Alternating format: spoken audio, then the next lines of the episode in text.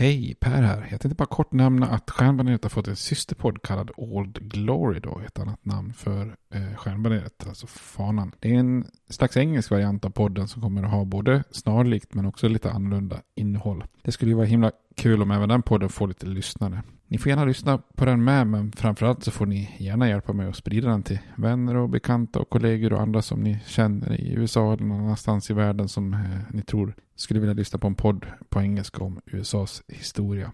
Tack, det var bara det jag ville säga. Nu kommer avsnittet. Hej då!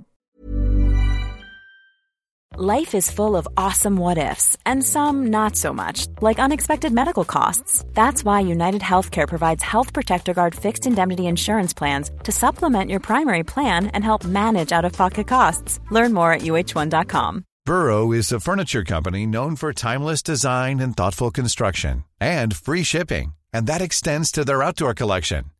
Their outdoor furniture is built to withstand the elements, featuring rust-proof stainless steel hardware, weather-ready teak, and quick-dry foam cushions. For Memorial Day, get 15% off your Burrow purchase at burrow.com slash ACAST and up to 25% off outdoor. That's up to 25% off outdoor furniture at burrow.com slash ACAST. Hey, it's Ryan Reynolds, and I'm here with Keith, co-star of my upcoming film, If, only in theaters May 17th. Do you want to tell people the big news? All right, I'll do it. Sign up now and you'll get unlimited for $15 a month in six months of Paramount Plus Essential Plan on us. Mintmobile.com slash switch. Upfront payment of $45 equivalent to $15 per month. Unlimited over 40 gigabytes per month. Face lower speeds. Videos at 480p. Active Mint customers by 531.24 get six months of Paramount Plus Essential Plan. Auto renews after six months. Offer ends May 31st, 2024. Separate Paramount Plus registration required. Terms and conditions apply if rated PG.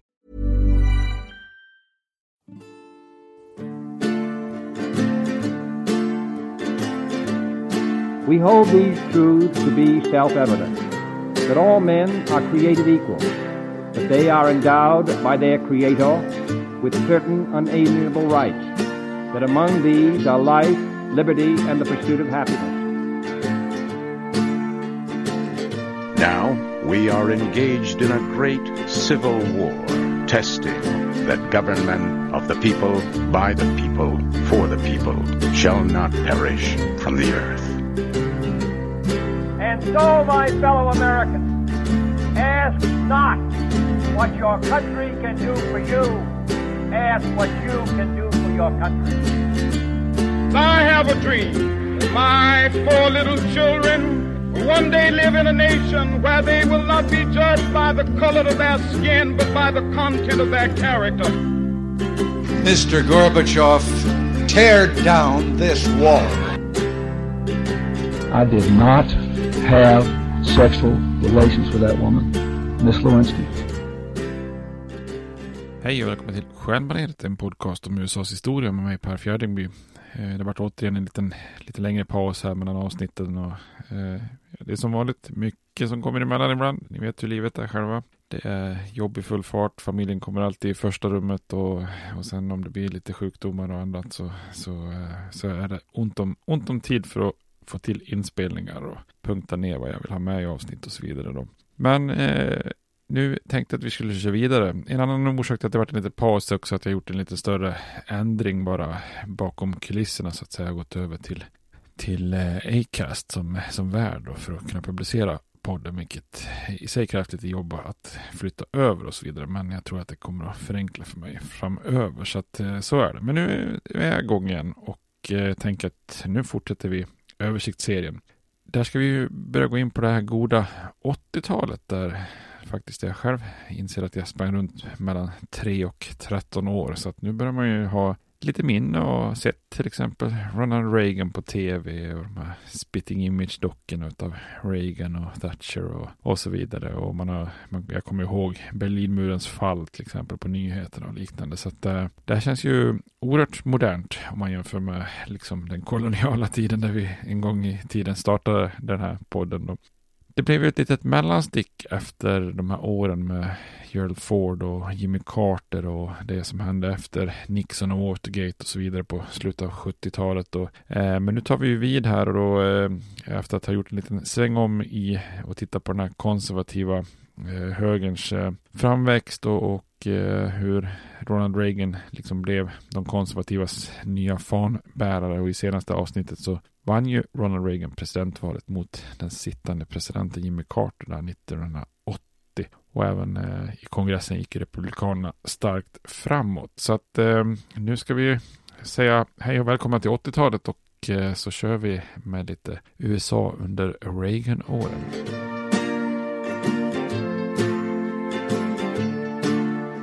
När Reagan svors in som president så hade han ju bara några veckor kvar tills han fyllde 70 år och det här gjorde ju faktiskt honom till den dittills äldsta presidenten då. Eh, där många hade en del funderingar kring, kring hans ålder och det är väl kanske liksom ingenting om man jämför med idag då. Där det verkar som att eh, eh, det, de två frontrunners som man säger i både Republikanerna och Demokraterna är, är, är, till åren komna och vi har den äldsta presidenten någonsin i form av eh, Joseph Biden då. Men eh, sin ålder till trots efteråt så föreföll ju Reagan väldigt energisk och handlingskraftig och ett bra exempel på det är ju när han skojar med läkare efter att han har blivit skjuten i samband med ett mordförsök och att han också återhämtar sig fort fast det var allvarliga skador. Men det, det kommer komma till det om en liten stund bara här. Reagan präglas ju också mycket av liksom att han är en humoristisk och, och, och trevlig person. Han, han, berättar ju gärna roliga historier och hade ett ganska finurligt leende när han levererar sina punchlines eh, ja, i princip som, som en riktig ståuppkomiker och, inte sällan så handlar det om hur det var i det kommunistiska Sovjetunionen som han, han skojar om då. Eh, och han är, han är frisk på det här. Ibland kunde han liksom inte hålla sig utan avsluta en del presskonferenser och så med en rolig historia och så vidare. Och det tycker jag ni ska söka på nätet. Eh, Ronald Reagans eh, skämt kan vara väldigt roliga även än idag. Om man ser liksom hur otroligt liksom, eh, karismatisk han, han är i princip. Redan när man ser de där skämten liksom, kan man tänka på som kontrast till eh, vissa kandidater i, idag då. Eh, även när saker och ting gick fel för Reagan, som, och det gjorde det ju ibland, så, så lyckas han också på ett mirakulöst sätt också komma undan väldigt bra. Eh, väldigt sällan som olika misslyckanden skylldes på, på Reagan personligen då. Eh, och det var ju därför inte så konstigt att Demokraterna började kalla honom för teflonpresidenten då eftersom inget eh, som liksom brändes fast fastnade vid honom så att säga. Om man ska göra teflonliknelsen då. Så Reagans charmiga personlighet och, och, kommunikativa förmåga det gjorde ju att han eh, var en president som blev väldigt populär. Även då bland många som egentligen inte kanske alltid höll med honom i politiska sakfrågor så gillar man honom ändå som, som person. Då. Så han blir liksom populär hos väldigt många amerikaner i princip nästan oavsett parti då. Och han är ju otroligt skicklig på att etablera en sån här liksom unik, bra relation med de amerikanska väljarna som, som gör att man, man, man gillar honom så att säga oavsett vad du har för grundläggande politiska ståndpunkter då så att säga. Reagan är också väldigt duktig från första början då som vi tittade på under valkampanjen att trumma ut budskap då om att liksom förnya nationens styrka och stolthet. Han pratar mycket om att det är dags för sunt förnuft eh, att, att, att återkomma då i, i sig ett väldigt otroligt otydligt begrepp, sunt förnuft. Men han pratar mycket om hjältar från förr och han, han är också duktig på att erbjuda ganska simpla, enkla lösningar och svar på komplexa utmaningar i, i den amerikanska ekonomin och, och med problemen i, de amerikanska, i det amerikanska samhället. Och så Rent praktiskt var ju Reagan inte särskilt involverad i de dagliga sysslorna av att styra landet och han, han är väldigt bra på att delegera och omger sig då med, med bra rådgivare och stabsmedlemmar och ministrar i administrationen som liksom får köra på med att omsätta de här visionerna i, i politik då. Och det här var ju ofta ganska tuffa och ambitiösa personer som, som förlitade sig då eh, mer från de allmänna riktlinjerna från presidenten men som, som också då kan fatta ganska mycket beslut själva och liksom besparar Reagan egentligen från den största pressen i presidentämbetet och han skojar ju sen så att han inte gör så många arbetstimmar om, om dagen som president då, så att säga och det är väl ett, eh, visserligen ett skämt men ett tecken på, på, på, på den här typen av ledarskap då.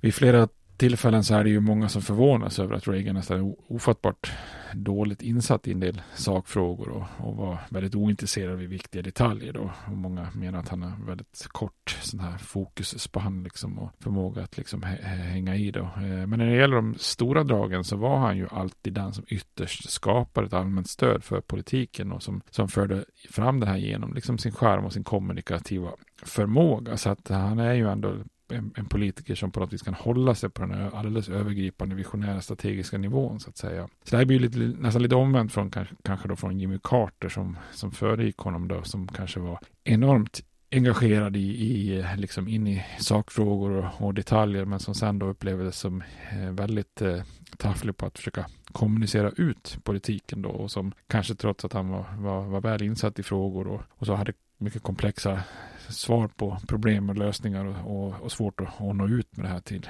till väljarna. Så det blir lite kontrast mellan Reagan och Carter kan man säga.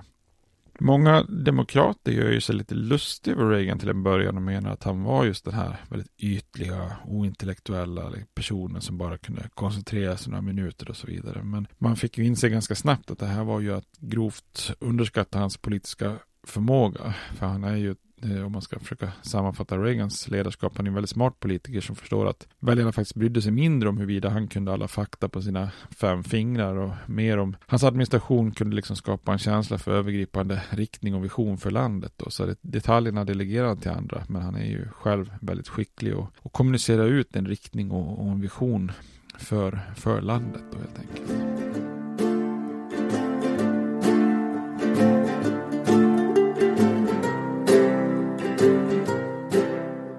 Men det är ju också så här att Reagan hinner ju nästan knappt starta sitt presidentskap eh, innan han faktiskt bli, höll på att bli en av de mest kortlivade presidenterna i historien då. Eh, redan i mars 1981 så utsattes han för ett mordförsök där han sköts och eh, skadades svårt då. Eh, han kom ut från Hilton Hotel i Washington efter att ha hållit ett tal då, och då dyker det upp en man, John Hinckley, som eh, avfyrar sex skott på nära håll då.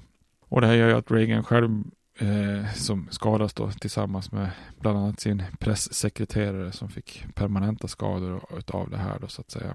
Eh, så att han eh, körs ju in mot sjukhus och håller ju humöret uppe då på väg in i operationsrummet på sjukhuset så, så skojar ju, det här är ju bevingade ord då, när han skojar med sin fru Nancy och säger Honey I forgot to duck. Eh, personligen tycker inte det är jätteroligt, men han har ju roligare skämt än så. Men, men det är klart, när man är på väg in till operationsrummet och har blivit skjuten så är det ju imponerande att man överhuvudtaget kan skämta då. Och han fortsätter ju också så att innan han sövs ner så hinner han till och med skoja med läkarna också och säger att han hoppas på att eh, de som ska operera honom är republikaner och inte demokrater helt enkelt då. Till en början så borde kanske han själv och Secret Service-agenterna kanske eh, underskatta hans skador. De här skadorna var ju värre än vad man först trodde då. Eh, bland annat har ju en explosiv kula borrat in sig bara några centimeter från Reagans hjärta då. Och läkarna får kämpa och hålla honom vid liv då. Jag minns inte på rak arm, men jag för mig att jag sett någon siffra att man håller på i, i rätt så många timmar här och han förlorar ju enormt mycket blod. Så att för vissa av de här läkarna så var det ju en riktigt stor kamp med att överhuvudtaget kunna rädda hans liv då hans agerande då med att liksom skämta på väg in på operationsbordet eh, och i kombination då med att han faktiskt tillfrisknar då, om man får säga det, trots sin ålder väldigt snabbt. Det gjorde honom ju egentligen bara ytterligare populär då. Så försöket att mörda honom går, går i baklås och istället blev han en hjälte som många inte kunde se något fel och som vi ser så när han får den här sympatierna direkt efter i princip nästan eh, inträdet i Vita huset så gör det också att han kan rida, rida lite grann på den här superhjältevågen i de inledande försöken att eh, stifta nya lagar och driva igenom nya lagar i, i kongressen.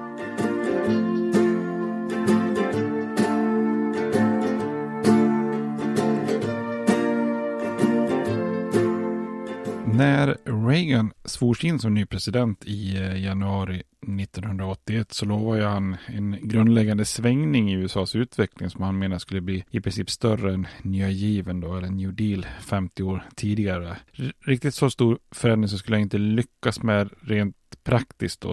Eh, rent praktiskt blev förändringarna inte lika stora som kanske hans supportrar hoppas på eller som hans motståndare fruktat då. Men även om vissa saker kanske var mer symboliska och, i, och ideologiska så kommer ju ändå en väldigt konservativ svängning med Reagan då. Eh, och mycket skulle ju handla om Reagan, alltså under hans presidentskap, om honom själv och hans personlighet och så. Eh, och, och, trots att han pratar om en fundamental svängning så är det kanske personen Reagan som väldigt ofta han hamnar i fokus då.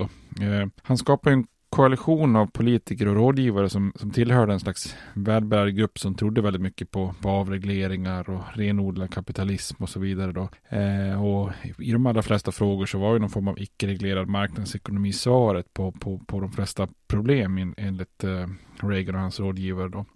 Och det här innebär ju också att Reagans administration och rådgivare var starkt fientliga till, till, den, eh, till flera av de sorters liksom statliga ingripanden i ekonomin som, som ändå hade etablerats från nya given och framåt. Och, eh, särskilt var man ju väldigt eh, fientligt inställd mot allt som var så att säga anti-business och alltså alla typer av regleringar av, av företagande. Då. Och centralt i deras agenda var ju också eh, deras motstånd mot eh, omfördelningspolitik då. Eh, speciellt kanske då progressiva skatter som, som fördelar om eh, skattemedel. Då. Så Reagan tog ju till sig den här gruppen av, av, man kallar dem för fria marknadskonservativa och det mesta han gjorde ekonomiskt gick också i den här gruppens eh, intresse kan man säga. Då. En annan grupp som ingick i Reagans koalition och som också får väldigt stort inflytande var ju den här gruppen av neokonservativa då, eller delar av de neokonservativa. Jag pratade ju om de här för några avsnitt sedan, alltså liberaler som under det lite mer kaotiska 60-talet kanske hade varit liberaler som tyckte att de liberala tankarna och sånt gått för långt och sen eh, gått över med tiden till den konservativa sidan och, och ville liksom ha, eh, inte gå lika långt som de mest fundamentalistiska liberaler då så att säga.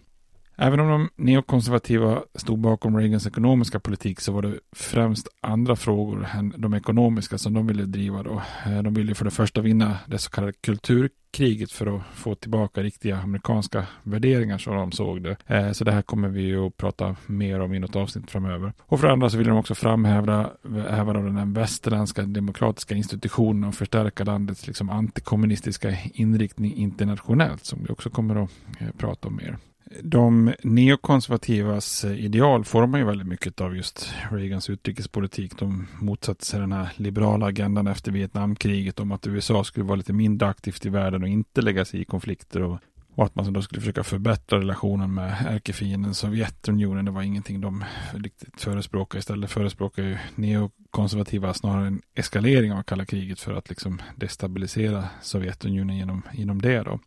Och enligt många av de här neokonservativa så ville man ju liksom lyfta fram då USA eh, som i en speciell roll att spela i världen och att militära interventioner, interventioner var ett måste då helt enkelt. Eh, de menar till exempel att Vietnamkriget egentligen hade varit rätt engagemang och att felet varit egentligen att USA drog sig ur till slut. Då.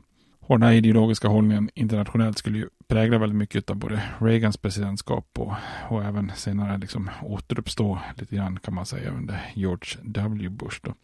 Den här ekonomiska eliten av marknadsliberala och neokonservativa skulle ju under Reagans år bilda en, en koalition och en bred allians med liksom konservativa gräsrötter också. Då. Och tillsammans så kunde den här nya högern under Reagans ledning samlas runt en mer populistisk agenda som ofta byggde då på en slags misstro mot det man kallar för Eastern Establishment, alltså etablissemanget på östkusten i allmänhet då, men kanske framförallt förknippat med just eh, Washington DC och huvudstadsdistriktet och, och även då nordöstra USA i synnerlighet. synnerlighet. Eh, det det nordöstra USA då, alltså de här New England-staterna, Massachusetts, Rhode Island, Connecticut och, eh, och så vidare brukar ju eh, oftast kallas för Eastern State. Man tänker mer kanske som på nordöst när man tittar på en karta, men de sticker ju ut österut mycket så att under en stor del av USAs historia så kallar man ju dem oftast för Eastern States också.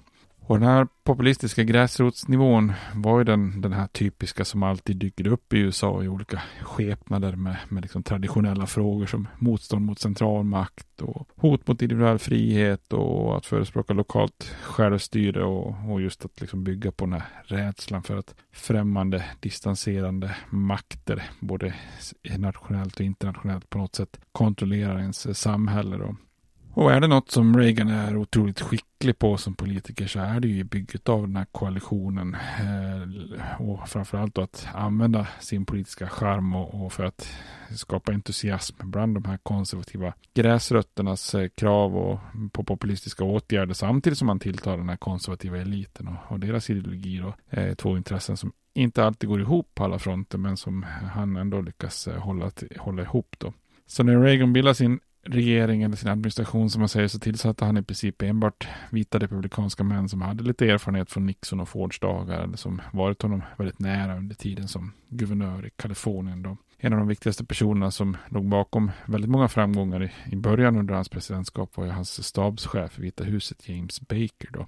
Men också frun, First Lady Nancy, var ju en viktig rådgivare och han utsåg sin, eh, sin eh, fru till vice stabschef med ansvar för presidentens image kan man säga.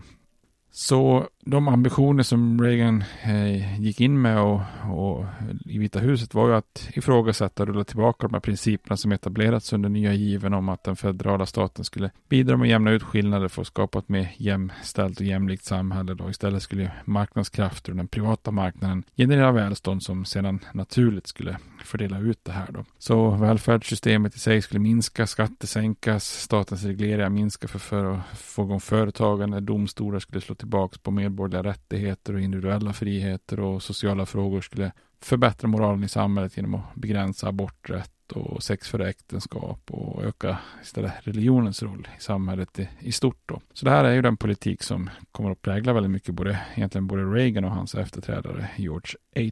Bush, då, Bush senior, som skulle, och den politik som de egentligen bidrar med under de här tillsammans 12 åren som Reagan och Bush eh, sitter i, i Vita huset med start från eh, 1981. Då.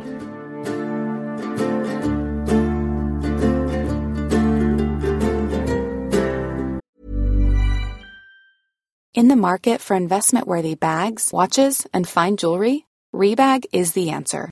Rebag is a luxury resale platform where each piece is carefully inspected by experts to ensure quality and authenticity. Use Rebag to buy and sell finds from the world's top brands, including Louis Vuitton, Chanel, and Cartier. Head to Rebag.com and get up to 15% off your first purchase as a member with code REBAGNEW. Shop today at Rebag.com. That's R-E-B-A-G.com and use promo code REBAGNEW for up to 15% off your first purchase as a member. Hiring for your small business? If you're not looking for professionals on LinkedIn, you're looking in the wrong place. That's like looking for your car keys in a fish tank.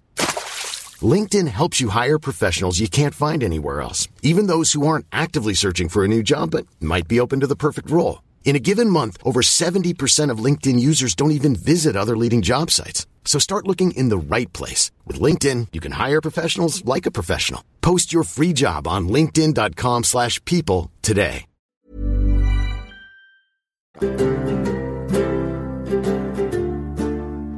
Reagan spillde ju ingen tid utan satte fart med sin konservativa agenda direkt när han kommer till Vita huset. Och ett av de områdena är ju det ekonomiska då.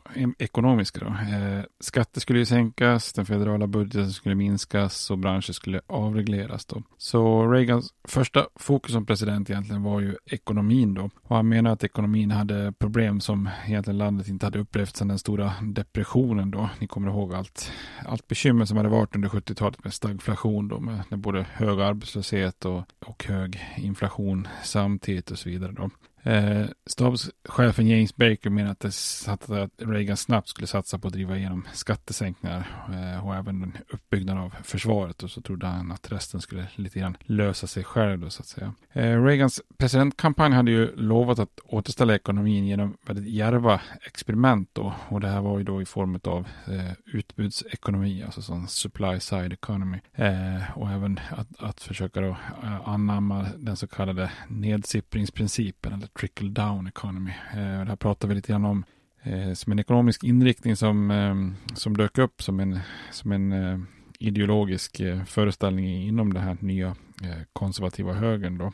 Enligt Reagan och hans konservativa rådgivare så var ju landets ekonomiska problem under 70-talet främst att skatterna varit för höga då, vilket gjorde att det inte fanns tillräckligt med kapital för investerare att, att investera med och stimulera tillväxt. Den privata sektorn ville man så att säga släppa lös inom citationstecken så att kapitalet investerades istället för att istället att man skyddade kapital från skatter och statens eh, långa arm då. Och den givna satsningen utifrån det här perspektivet var ju att sänka skatterna och inte bara sänka skatterna utan försöka sänka skatterna drastiskt då. Eh, särskilt alla skatter som belastade då företag och den välbärgade eliten som, som skulle kunna då stå för de här investeringarna om ni minns så var ju liksom utbudsekonomins grundsten att man skulle sänka, att, att sänkta skatter skulle leda till så stora investeringar att egentligen de totala skatteintäkterna inte behövde egentligen minska och att frukten av en god ekonomi då skulle sippra ner även till de mindre välbärgade amerikanerna då enligt de här tankegångarna. Då. Reagan menar att den totala välfärden skulle då öka så mycket så att alla får mer då, inte bara den eh, befintliga, eh, inte bara att man liksom omdistribuera den befintliga välfärden. Eh, det här skulle ju sen visa sig vara lite ogenomförbart. Då, så. Eh, så Reagans administration satte ju fart på en gång för att driva igenom sin agenda att sänka skatterna och, och minska den federala budget och, budgeten. Och man föreslog 40 miljarder i, i budgetnedskärningar och, och sen en eh, rejäl då, eh, bastant skattesänkning på 30 procent eh, rakt av för både företag och individer. Då. Så vilket efter ett antal kohandlingar och lite diskussion i kongressen och så vidare till slut röstades igenom som en 25-procentig skattesänkning, vilket ju även 25 procent skattesänkning är rätt så rejält då så att säga. Och Reagan lyckades då genom en, republikansk majoritet i senaten eh, och och eh, att flera demokrater övertalades i representanthuset eh, där demokraterna hade majoritet då. Eh, samtidigt som republikanerna var väldigt disciplinerade i representanthuset så lyckas han ju då driva igenom de här då. Och normalt sett hade kanske så här stora skattesänkningar varit väldigt svårt att driva igenom kongressen men Reagan rider lite grann på sin popularitetsvåg efter det här mordförsöket på honom 1981 då. De många uppskattar hans humor och gav honom lite hjältestatus och mm, vissa menar ju på att om inte det hade varit det här eh, mordförsöket som hade ytterligare höjt Reagans popularitet och, och sympati för honom så hade kanske det blivit svårt att, att få igenom en sån eh, dramatisk skattereform då. Men det är inte den enda reformen då. Senare efter att han har blivit omvald så, så genomförde eh, Reagan också fler skattereformer 1986 då. Och den här gången hymlade man inte riktigt om, eh, heller om vem som skulle tjäna på den här reformen. Eh, eller att den skulle egentligen öka budgetunderskotten då. Tanken var att inkomstskatten skulle bli mindre progressiv och, och enklare då. Så att eh, det innebär att höginkomsttagare fick den absolut högsta skattesatsen på på 50 procent nedsänkt till, 6, 33 procent. Samtidigt som skatten för låginkomsttagare totalt sett egentligen ökar då. Eh, så att det är en skatteform som verkligen gynnar de eh, välbärgade då. Och det var ju också ett led i och med att Reagan alltid hade varit oerhört kritisk mot progressiva skatter. Alltså progressiva skatter innebär ju att du betalar procentuellt mer och mer i skatt ju mer du tjänar så att säga. Att man har olika nivåer då så att säga. Och han menar då att individer behöver belönas ifall de genererar intäkter och välstånd, inte bestraffas de med allt högre skatter. Så Reagan var en väldigt, eh, väldigt förespråkare av att få bort så mycket av de progressiva skatterna som det bara gick då så att säga. Och det här speglar ju de konservativa republikanernas övertygelse om att man väldigt förenklat kunde dela in amerikaner i, egentligen i två grupper. Man pratar om taxpayers och tax takers, alltså skattebetalare och skattetagare då. Kanske mer i Sverige att man pratar om bidrag, bidragstagare om man ska prata i det språket då. Skattebetalare var ju som man såg det hårt arbetande, ärliga, främst vita amerikaner som staten fick skatteintäkter ifrån. Medan skattetagare var fattiga, ofta minoriteter som, som demokraterna enligt eh, den konservativa eh, majoriteten hade kastat federala resurser på och som blivit då beroende bidragstagare som, som dränerade staten på medel. Eh, och att förespråka rättvisa tax, skatter som man sa då, det blev ju liksom lite grann av ett slags kodord för att gynna, gynna vissa grupper och missgynna andra då och försöka liksom att eh, gynna taxpayers och inte tax takers så att säga.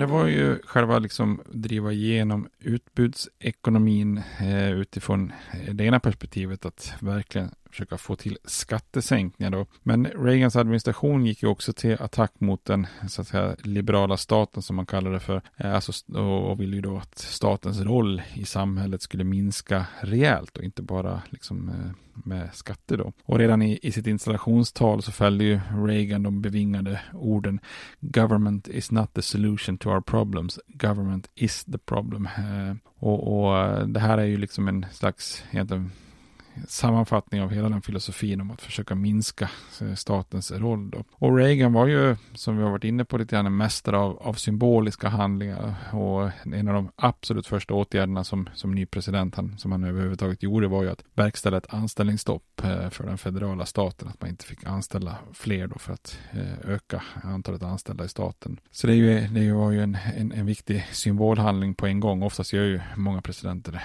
någon, någon typ av symbolhandling när man kommer till Vita huset då för att visa att man gör något på, från, från dag ett så att säga. Eh, Reagan nominerar ju också mängder med konservativa ministrar och federala domare och myndighetschefer och, och olika som ska verkställa den här visionen om en mindre stat. Eh, så efter att ha verkställt det här utbudsekonomernas eh, föreslagna eh, gigantiska skattesänkningar så fokuserar ju Reagan på att försöka minska de federala utgifterna på, på social välfärd och så vidare. Och det här var ju lite grann ett slukt program också för att det ska minskas på väldigt olika poster så att säga. Program som var populära bland liksom en känslig vit medelklass som alltså Medicare och Social Security, alltså sjukvård och sjukförsäkring och så vidare. De lämnas ju ganska intakta. Eh, Reagan kallar de här, det här sociala skyddsnätet då, som statlig service för dem som han säger truly deserving needy. Eh, istället så skär ju Reagans administration ner rejält på andra sociala program som matkuponger, skolluncher, bostadsbidrag och andra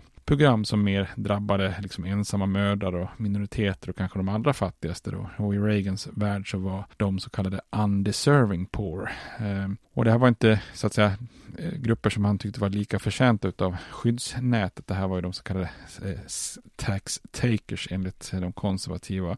Så inom de här områdena så sparades det 41 miljarder i, i, i budgeten man, man sparar ner då. Reagan säger vid något tillfälle The most terrifying words in the English language are I'm from the government, I'm here to help. Det, det var liksom också en bra sammanfattning utav, av synen på, på liksom eh, välfärd eh, och välfärdsinsatser från staten. Då, så att säga. Så Republikanerna gör en ganska stor skillnad egentligen på, på fattiga och fattiga. Vissa som den vita arbetarklassen var truly deserving needy, needy medan andra då var undeserving poor. Och av en, av en slump då, om man får vara lite ironiskt, så är den första gruppen väldigt goda republikanska väljare medan den andra gruppen var väldigt goda demokratiska väljare. Så det finns väl en, en viss politisk koppling kan man säga också. Reagan själv han vädjar ju till demokrater att, att inte försvara misslyckade misslyckade policies från förr som han sa då, eh, utan ta till sig nya järva eh, åtgärder då, som, som på något vis eh, går emot de tidigare principerna som etablerats i nya given och The Great Society. Och framförallt försökte han ju övertala konservativa demokrater från södern som, som annars då riskerade att förlora i lokala val mot republikanska motståndare. Då. Man brukar kallas för Ball Wheels, eh, eller Ball Wheels demokrater. Eh, så efter en, eh, efter, efter en skalbagge faktiskt som förekom väldigt mycket på bomullsodlingar så att det blir väldigt knippat med, med, med, med södern så att säga. Eller som, ja, som göder sig på bomullsplantor så att säga. Så det ser lite otäcka ut, kan googla det får ni se. Men det handlar ju framförallt om att Republikanerna hade inte en, eller en majoritet i representanthuset så man är ju beroende av att få med sig konservativa demokrater samtidigt som man då håller eh, partipiskan hårt bland republikaner då så att säga. Och det är ju det Reagan lyckas med. Reagan och hans allierade lyckas hålla samman republikanerna. Alltså övertalade, övertalade 63 sådana här ball wheels och eh, jublande så kunde Reagan konstatera att han faktiskt genomfört den största minskningen av statligt spenderande i, i landets historia. Då.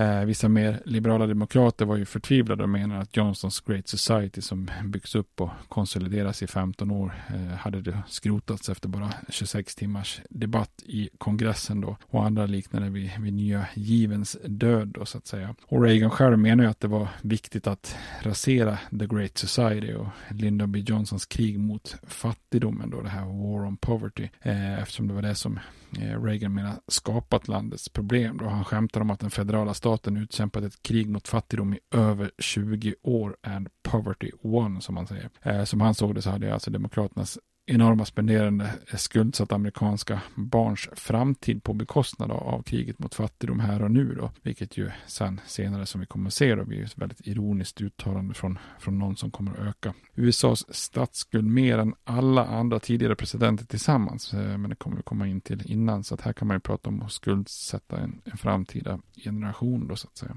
Eh, låg och medelinkomsttagare fick ju ingen sån jättestor netto nettovinst av de här skattesänkningarna som, som gjordes inom utbudsekonomin eftersom man samtidigt, eh, alltså kostnaderna ökar ju för Medicare och Social Security då, och där var det två områden som Reagan inte ville röra. Och då tvingas man då att höja skatt, skatt eh, skatten som arbetare behöver betala för just de här förmånerna. Då. Så för många så blev det ju därmed ett slags nollsummespel eller till och med minus. Alltså att man får ju visserligen sänkt inkomstskatt men i och med att man får det blir höjd skatt på sociala förmåner så tar det ju liksom ut varandra då så att säga i form av vad du har kvar som nettoinkomst inom ett område då så tillät ju Reagan statens kostnader att öka rejält eh, och hade ju absolut inga betänksamheter kring att staten skulle satsa då och det är ju militären. Eh, Reagan inför ju en massiv satsning på militären då. Det skulle bli den största militära satsningen i fredstid som USA någonsin hade upplevt då så att säga. Och Reagan gjorde klart för sin administration och sin stab att defense is not a budget item eh, och att you spend what you need säger han kring militären. Så 1985 spenderade Pentagon, eh, alltså ja, militären då, om man kallar det utifrån försvarsdepartementets eh, stora, stora fina byggnad. Pentagon brukar man ju bara säga och kalla militären. Jag ska försöka vara noga med att definiera vissa begrepp som jag kanske slänger mig med. Men eh, vad heter det, Pentagon och försvaret då 1985 så spenderade de alltså 28 miljoner dollar i timmen dygnet runt, sju dagar i veckan året om då. Och det här innebär att försvarsbudgeten ökade från ungefär 157 miljarder dollar 1981 då när, när Reagan tar över till nästan 300 miljarder dollar eh, 1986 då fem, fem år senare så är det i, i princip nästan en fördubbling av de militära kostnaderna i, i den federala budgeten då. Och den här, man säger Reagans massiva satsning på militären gjorde ju att det också till slut blir en omöjlighet för honom att balansera budgeten i, i princip som han har, han har lovat då.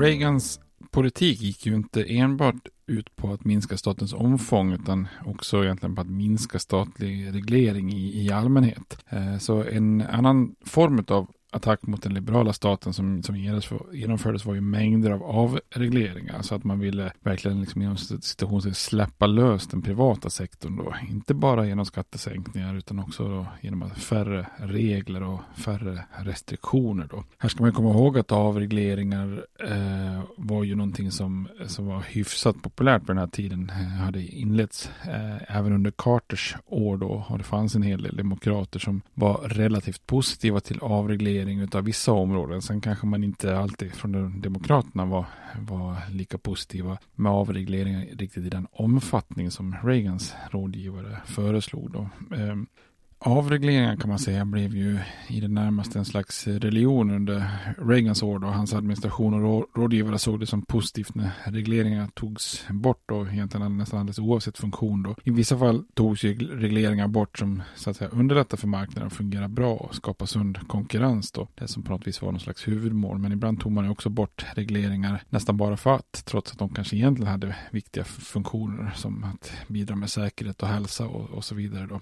Eh, ett område då som, som verkligen lättas upp eh, är ju miljöregleringar.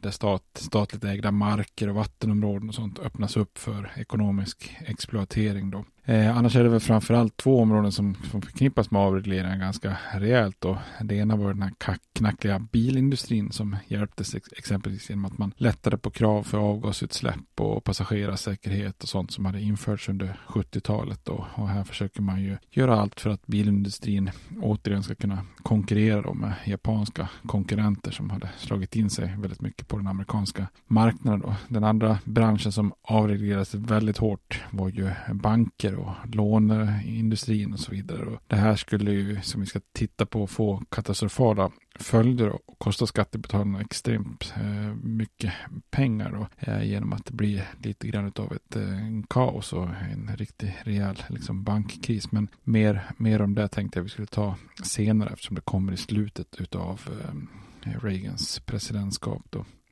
En av de starkaste förespråkarna för eh, avreglering eh, var transportministern Drew Lewis. Då. Han blev ju notorisk när han sommaren 1981 slog ner en strejk bland flygtrafikledare. Då. Med Reagans stöd i ryggen så vägrade Lewis att eh, kompromissa eh, med de här strejkande flygledarna. Istället så sparkas de och i all hast så hyr man helt enkelt in och utbildar nya trafikledare i, i, i då expressfart. Och den här åtgärden är ju, det förstår ju alla att det, blir, det är inte billigt. Alltså kostnaden blev ju väldigt stor då. Man beräknar att det har kostat 1,3 miljarder dollar då. Men både Lewis och Reagan menade att det var det värt för att visa landet att ingen grupp av offentligt anställda skulle kunna utmana statens intressen helt enkelt då. Men då har vi gått igenom egentligen Reagans eh, ekonomiska politik som han sätter en väldig fart med och hans eh, syn på staten och hur man vill minska staten då även om man ökar de militära kostnaderna. Och det här har ju gått till namnet som eh, Reaganomics, eh, alltså en slags kombination av de här utbudsekonomi, trickle down teorin, alltså nedsippring, att man ska försöka minska federala staten och dra in på, på mycket av välfärden. som vi kommer att se så blir det lite ironiskt med all satsning på det militära och så vidare. Men Reaganomics blir ju liksom samma samlingsnamnet för hela, hela paketet utav, av det som eh, Reagan står, står för, som är en ny liksom, ekonomisk inriktning för, för landet. Då. Eh, vi ska titta lite grann i kommande avsnitt hur Reaganomics egentligen påverkar landet. Vi ska titta lite grann på hur Reagan blir, blir eh, omvald och vi ska titta mer på utrikespolitik och det som kallas för kulturkriget. Så vi har mycket spännande att se fram emot här på 80-talet under Reagans eh, ledning. Så att eh, mer om det i kommande avsnitt. Tills dess så får ni ha det bra. Hej då! States like these and their terrorist allies constitute an axis of evil. And if the hippies and the yippies and the disruptors of the systems that Washington and Lincoln as presidents brought forth in this country will shut up and work within our free system of government, I will lower my voice. If the impeachment provision in the Constitution of the United States will not reach the offenses charged here, then perhaps that 18th century Constitution should be abandoned to a 20th century paper shredder. Therefore, I shall resign the presidency effective at noon tomorrow.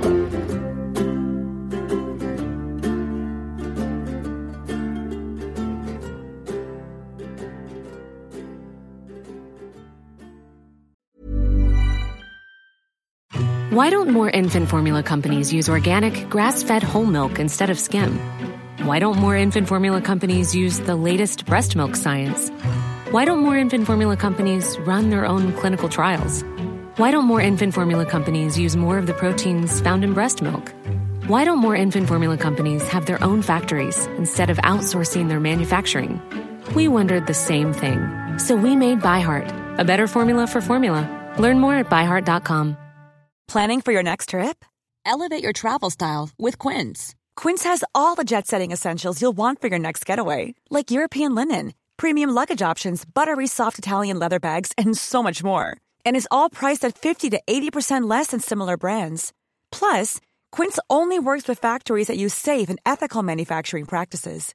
Pack your bags with high-quality essentials you'll be wearing for vacations to come with Quince. Go to quince.com slash pack for free shipping and 365-day returns.